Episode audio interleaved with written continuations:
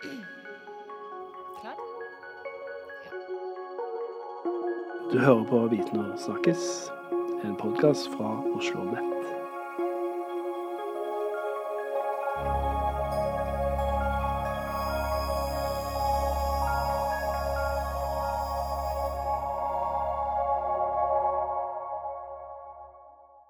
Welcome to an episode of Viten og snakkis, a research podcast from Oslo Met. My name is Jeff Lugau, and I'll be your host of today's conversation. With me in the studio today, I have Erika Gubrium. I suppose the appropriate thing to say is welcome back because you've been a guest on the podcast on two previous occasions. Uh, we'll link to those conversations in the episode description so that you can go back and hear those if you're interested. Erica, you are uh, a colleague of mine here at Oslo Met. Uh, you're a professor in the Department of Social Work, Child Welfare, and Social Policy. Did I get that right? Yep. Today, you are with us to talk about some research that you're currently conducting. Uh, and I'm going to have you um, introduce the topic of that research to us uh, in full. But um, briefly, um, for our listeners, our conversation today is going to be about people who have moved to Norway, uh, immigrants, if we want to call them that. Um, and we're going to be look, talking about how you're trying to understand uh, how they experience belonging, or maybe not always belonging, uh, here in Norwegian society after they arrive in our in the country. Um, what else can you tell us about uh, about this topic and the way that you're approaching it in your research? Well, um, I um, the research has a couple strands, or uh, you know, I see belonging um, as a fairly complex thing or process, feeling, um, and I'm trying to look at it from certain angles, different angles. Um, belonging um, is a feeling, so it's an emotion. Uh, it's an emotional thing. It has to do with um, attachment to particular places or not feeling attached to particular places. Um, it has to do with time and timing, so what they call temporality. Um, and um, it has to do with who you were before you moved, who you are, who you feel you are. So it has to do with biography. And then it, of course, also has to do with um, the world around you. So it's not just something you feel in a vacuum, but you feel something based on how you are made to feel like you're in the right place or out of place, there at the right time, you know, these sorts of things. So um, it it's uh, a project that isn't just one project. It's uh, it's going to be a series of of of studies. That's really interesting. How did you get interested in belonging as a as a as a subject? Yeah. Have you have you studied that previously? I no, I um I studied for two reasons, I think. I um I was in a project looking at the connections between poverty and shame, uh, which we talked about in a few podcasts ago. Um, and so I was interested through that in emotions and the way emotions emerge, and um, in particular, shame. But also, um, when I was looking at the data and, and writing things up, I was thinking about that it's not just an emotion that's not connected to anything. You're made to feel the emotion, and it's connected to who you are, where you are, what point in life you're in, and um, and for a lot of the people I spoke with, um, who had most of them, not all of them, but quite a few of them had been born in Norway and lived in Norway all their lives, but they referred a lot to earlier in life. And then when I talked to people uh, in this research who had moved to Norway as adults from other countries, they talked about um, how they felt, and they often talked about how difficult it was that who they were before was not a part of the conversation. It was like they were expected to just leave it behind and start from zero. So that, um, so really, I'd say half of my uh, research participant group were, were people who had moved to Norway as adults, um, and um, and and and um, then I also have my own personal experience um, of moving to Norway. I um, I moved to Norway. Um, it, I, I didn't. It wasn't a planned, uh, a long time planned move. It was sort of a slightly planned move, and I moved in my mid thirties, and I was um, halfway through a pregnancy, uh, married to a Norwegian, and um, moved here with a PhD and um, remember thinking when I first moved to Norway, um, I moved from San Francisco, Berkeley area. And so I was very familiar with city and I was familiar with Berkeley and I was familiar with moving around and understanding where things were. And then I moved to Norway. And all of a sudden, um, the um, my my sort of places of moving around to were very very limited. And I felt I was pregnant, and there was something about the timing of being pregnant and being sort of in this sort of vulnerable phase, pregnant in a new country where I didn't understand the health system. So I felt very vulnerable. And I felt um, this sense that something could go very wrong. And I felt like I had to be careful.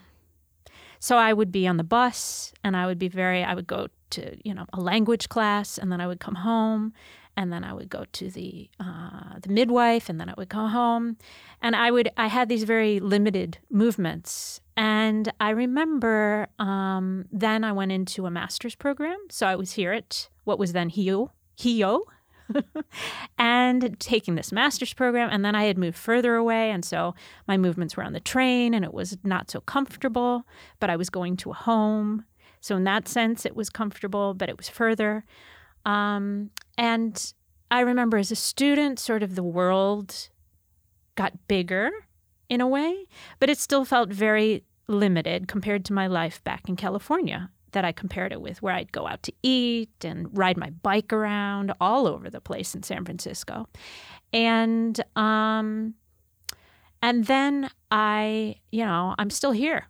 At I was here at HiOA, and then I'm here at OsloMet, and I'll probably be here for whatever else it becomes name wise. and so it's been 14 years that I'm here at the same place. And yet, uh, my feelings connected to this place and my identity connected to this place have changed completely. I'm a professor now. I'm not a master's student, a master's student who's taking a master's after coming with a PhD and being pregnant. I have it, you know, I have a research program and and so the way that I approach OsloMet is much different, even though the buildings are the same, a lot of the people are the same, but I, I have different relationship with these places. And yet, um, I have now a job that is, you know, I'm a professor. It's a great job. I basically get to research what I'm interested in. But the sense of belonging, um, still, it doesn't just depend on the job. It depends on how well the job meshes with other things in my life, how well other things in my life are going. Um, it has to do with the seasons of the year. How much I feel I belong is much higher in the early summer than it is in January when I'm slipping around on the ice and trying to get to work. A lot of people before you have studied uh, both immigration as a phenomenon um, to Norway and to other countries around the world. Um, a lot of people have studied uh, Im- immigrants, people who have moved to a new country. Um, how do you see your approach as different from the ones other people have taken? Um, what, I guess, in, to use a different expression, what gaps in the existing research are you trying to fill? Um, okay, first of all, I learned this my eyes were sort of open when I did the research on poverty and shame. Because when we did the research on what are called poor people or the poor, we realized after a very short amount of time that words are important and the way people, the way we talk about different groups of people is important. So instead of calling these people the poor or poor people, we said people with low incomes, people living in poverty, because the focus is on the person, okay, who happens to have a certain life experience. But we're all people, right? We're not um, innately different from each other in, in any very significant way. That's my kind of starting point. So when I um, look at uh, people who have immigrated to Norway, I um, try to think of them as people first and immigrants as an experience they've had, but it's not a part of their basic characteristic. So it's more I, I'm I'm starting from the person, really, and the person's not just that. It, it's called um, epistic uh, subjectivity, actually, if you want to be fancy about it. These people are not just objects that um, uh, are all the same, that are, might be sort of compared or correlated to something with respect to outcomes. But for me, they're subjects. And I'm interested in how they make meaning of the world around them. So that's that's it's sort of the subjectivity of people who have immigrated or migrated to Norway that I'm interested in. So um, I'm I think I'm following uh, your train of thought and uh, understanding your approach, but I want to just um, try to rephrase briefly what you what you just told us, um, so that we make sure we're on the same page. Um, so. Um, I certainly share your um, experience uh, of, living in Norway, also as a person who came here as an adult um, to this country. we both came from the United States, but we met here. I share the experience of the word immigrant being used um, in, in, in, a way that does erase or at least um, uh, quite dramatically minimize all of the complex and often rich experiences that we have in our lives before we come to this country. It's almost like um, by by hearing that word and having that word immigrant applied to us, everything we've done before we came here, or much of it, is like meaningless or erased, or at least not given much weight. Um, is that is that a, at all a, a, fair way of um, of rephrasing what you just what you just said? Yeah, and I wouldn't. I'd say probably from the perspective of us who have moved, it feels erased. From the perspective of the people who we come into contact with here, it just doesn't exist, right? So it's it's uh, probably it feels, and that's a part of the point it feels like erasure to us, whereas to people here, it's just not a matter of concern, perhaps. It doesn't feel like an active erasure. And that's what subjectivity is. It feels different to us, and it's interesting. That's why what I'm interested in is why does it feel different? How does it feel different than it does to someone else? So let's let's um, let's move back to your project. Um, how are you how are you carrying out your research? What are what methods are you using? Um, well, currently I'm because um, I have all sorts of methods in mind, but currently I'm I have a three step process. Yeah, tell us about that. Yeah. So um, I first of all, the way that I recruit people is um, by what you call snowball sampling, where you meet someone and you find another person through that person or through contacts, friends of friends, um, through I don't know, um, uh, like uh, people's networks, people's networks, but also through um, like uh, there are work pro- job programs and this sort of thing too. So various ways. So I'm not I'm not trying to be random randomly selecting or randomized in my selection. I'm not trying to select a broad scope of people. I'm just selecting people and then um, choosing uh, to thinking about okay i'm interested in these questions based on the interview who's who's the next person that makes sense this is like a case study selection strategy um, okay so that's the first part because uh, it's a little different than the usual and then um, when i meet the person uh, or recruit the person i um, we set up the first interview okay so it's three three separate interview steps all right. We don't schedule the entire thing at once because it's too overwhelming. So I, I call this slow research.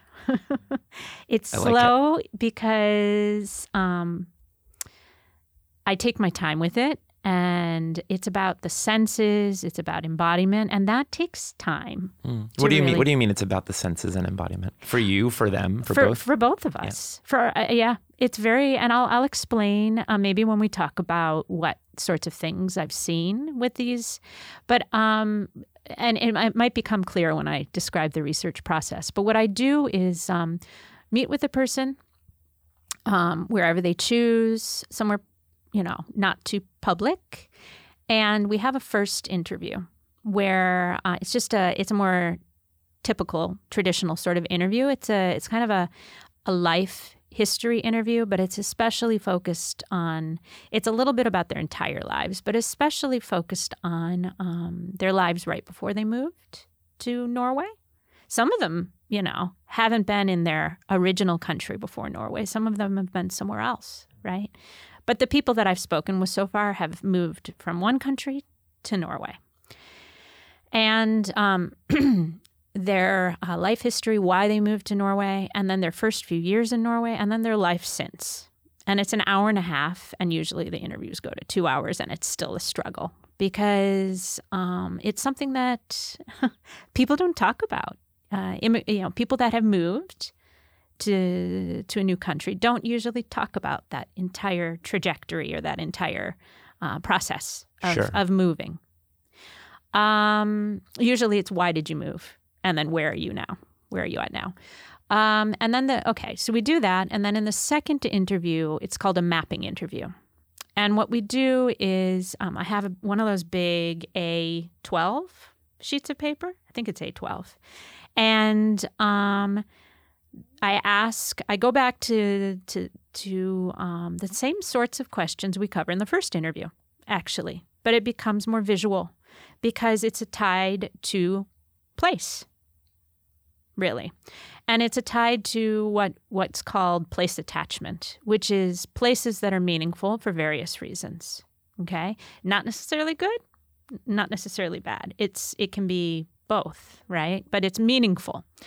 And so I ask um, the, the participant, the person I'm talking to, to talk about their lives um, just before they moved and since, uh, but tying it to places they've been, places that have meant something.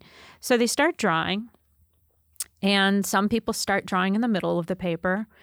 I've only spoken, no, this is slow research. So I've only gone through two full cycles because I've done six interviews, two hour interviews with these people, right? So um, I'm just at the beginning stages still of this research. Um, they, some people draw from the, the left side, which is sort of the beginning. Um, some so, it, it, but the two people I've talked to have started drawing from different places. Um, Are, are you talking uh, while they draw, or is it sort of like a silent exercise? Oh no no no. We're we're talking. so I'm interviewing and I'm at, and they're basically they're recounting many of the similar same things that they did in the first interview. But I the the drawing of these places acts as a probe both for them. You know what a probe is? It's like when you bring up it it makes people think about certain things and it makes me think about certain things. Not in my own life, but it it I say for example, "Oh, I see that you've drawn this place twice, same place. For example, if I drew Oslo Met or Hio, same buildings, and then Oslo Met, two different, very different places on my own map. They're, you know, um, what's it called? Mm, literally the same place, right? I, I mean, objectively speaking, I guess. They're the same place. Subjectively speaking, they're two very different places. They have different names, I but see. same buildings.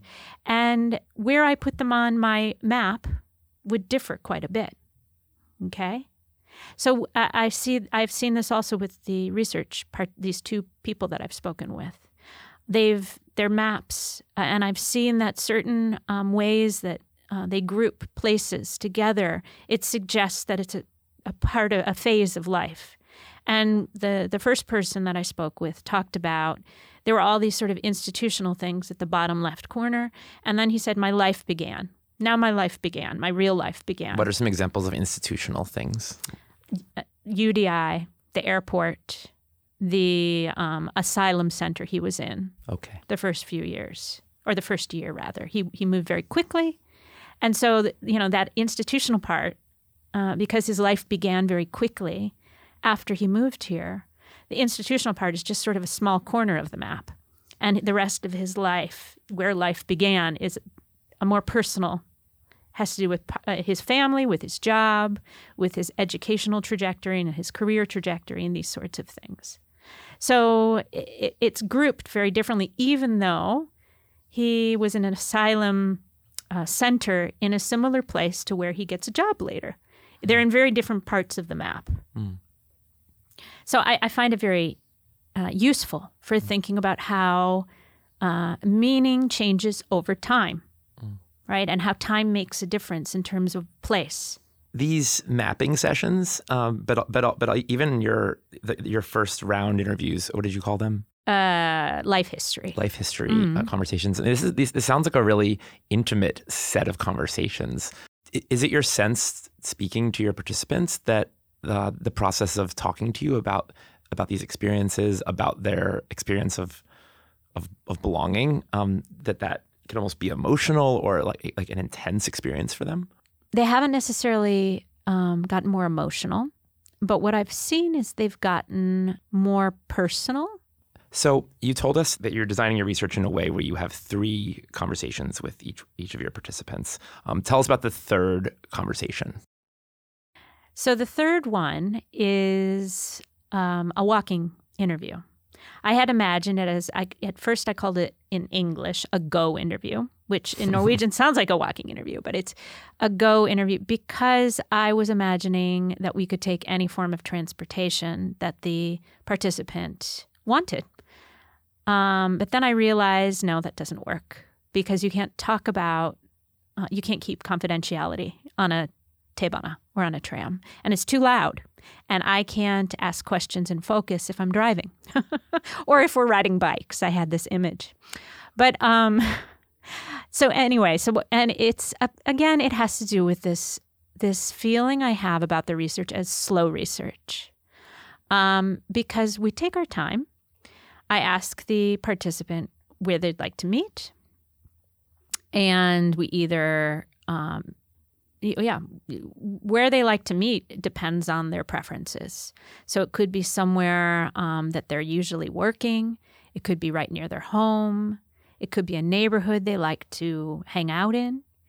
And we, I turn on the tape recorder, or the, yeah, tape recorder, and um, I, uh, again, we talk about very similar themes, actually. Um, but we focus more than um, what happened in their lives earlier. We focus on their lives today. Okay, so it's like a recent life history, and it's how it, it focuses more on sense of belonging. Although I don't use those words, okay, because I don't want to push the participant to to feel like they have to share. So we we kind of take it. Um, as the participant wants to take it. And by that point, and the reason I'm a fan of this slow research is because it's not that the power dynamic between us is completely reduced, but it is more like getting to know someone. So the first two interviews are sort of set the stage in a way for this third interview where there definitely is, um, so far, a much more sense of comfort.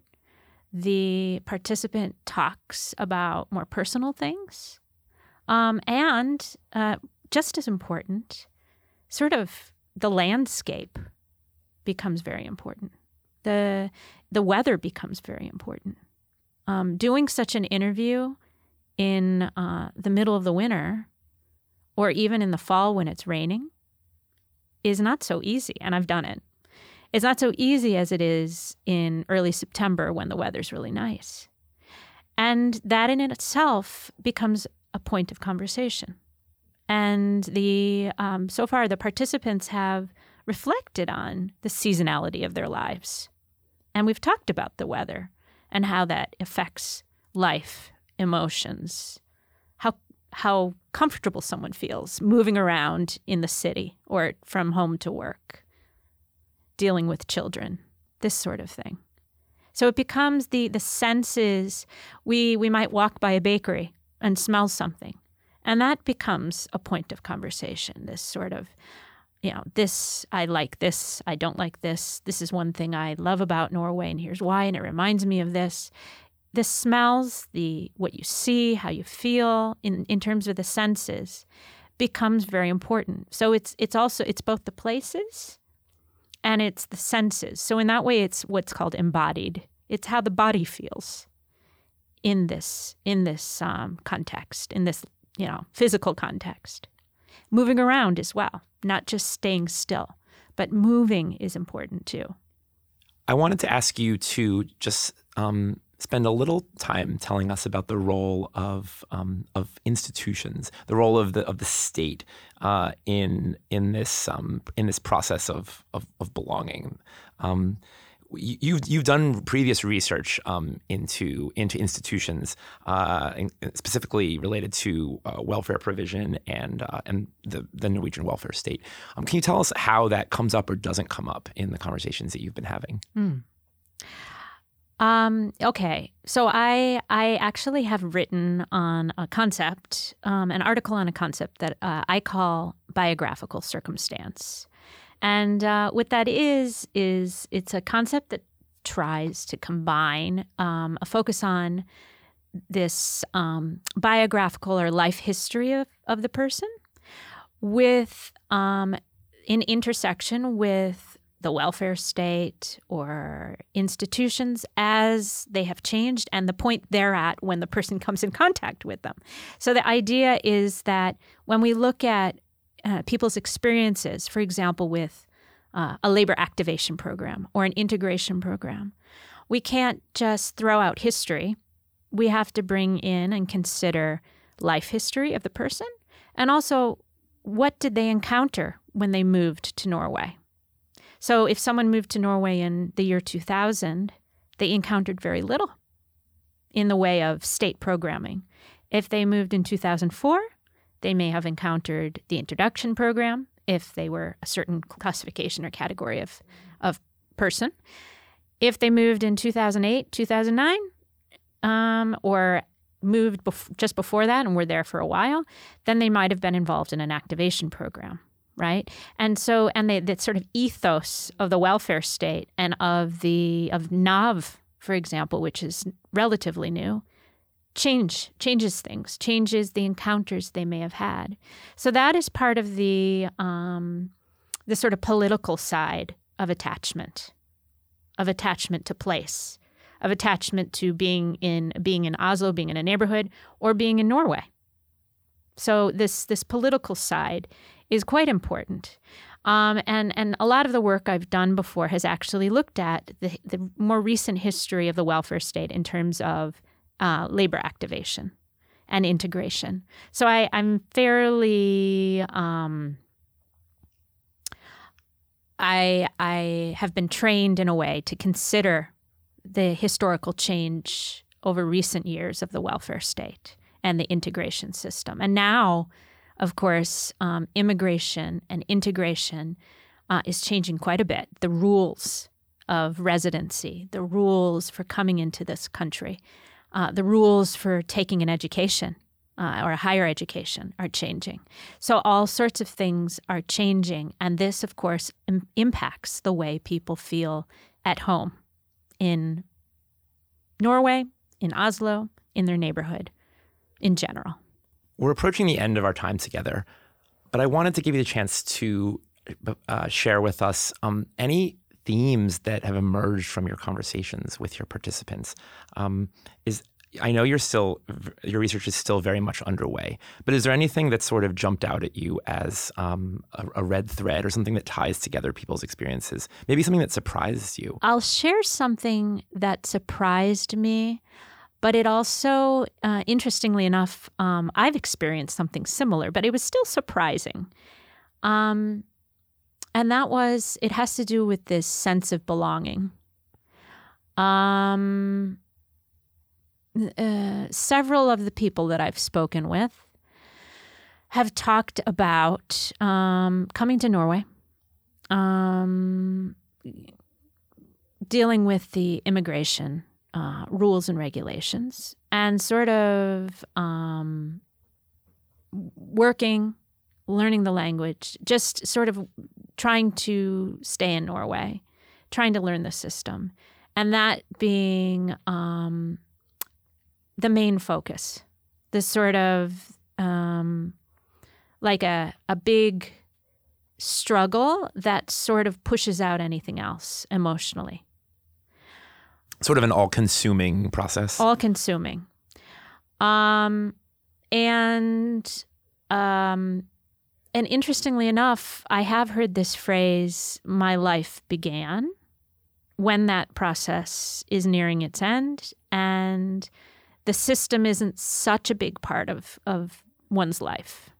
You're, you're sort of then uh, not dealing maybe with institutions or, or welfare institutions as often. Possibly. This isn't the case for everyone, but it's it's been the case for the people I've spoken with so far. And they have talked about um, this sense of belonging, of feeling uh, feeling that one is in the right place as opposed to out of place. That these feelings become much more, much stronger. That they feel more troubled by the fact that their life has begun. They are at a certain point in life, in their career, family, and yet they feel more keenly at this point that they don't necessarily belong. That's been surprising. And I think it's surprising because it goes so much against a lot of the research I've read, actually, and the way you think about integration. And that was, that's sort of one of the points uh, so far is that it's not just about getting a job, even getting a decent job it's about so much more to feel that you're um, uh, belong to a place. Finally, I wonder if you could share with us what you what you hope to contribute with this uh, with this research. Um, what do you in in in, your best case uh, scenario? Um, how could your research even potentially change the way we talk about, think about, treat people who have crossed borders and have found themselves here in Norway? I have a couple aims. So I have that, I, I see that as a more um, practical aim, which is quite important, of course. And I think uh, in that way, I think um, most importantly is um, taking someone's life history into consideration in a, in a fuller way, taking their movement in in every sense of the word movement movement uh, mobility social mobility their way of moving around the city their way of moving between family responsibilities and work um, the, the options they have to move or not taking those more seriously um, somehow in the system. Because it's the way that you succeed is by um, recognizing these things the pattern approach doesn't seem to work. But then the other um, aim that I have is really to add this focus in general. In in um, uh, we, we see this focus on embodiment on the senses in anthropology. We see it in um, geography, uh, social geography. We don't see it much in social policy and we don't see it much in um, that that area of social policy having to do with integration or labor activation for that matter, but especially integration, where the the, the, the people in focus are treated more like objects rather than uh, you know, sensing subjects. Thank you for taking the time to talk to me today and to share your research with me and with our audience. Um, this is really fascinating and really important research. Um, I know you're still recruiting um, participants to uh, to the project. Can you tell our listeners how they or uh, how they can help uh, help you in those recruitment efforts, or even just spread the word about this this project? Yeah, I would really uh, I appreciate that. Um, I have um, my email address is on my OsloMet website, so you can just look up my name and Erika Gubrium and OsloMet. Um, and I'm recruiting adults who have moved from outside the EEA um, as adults to Norway. Great. Thank you again for this really interesting conversation. Thank you to our listeners for joining us today. We'll see you next time.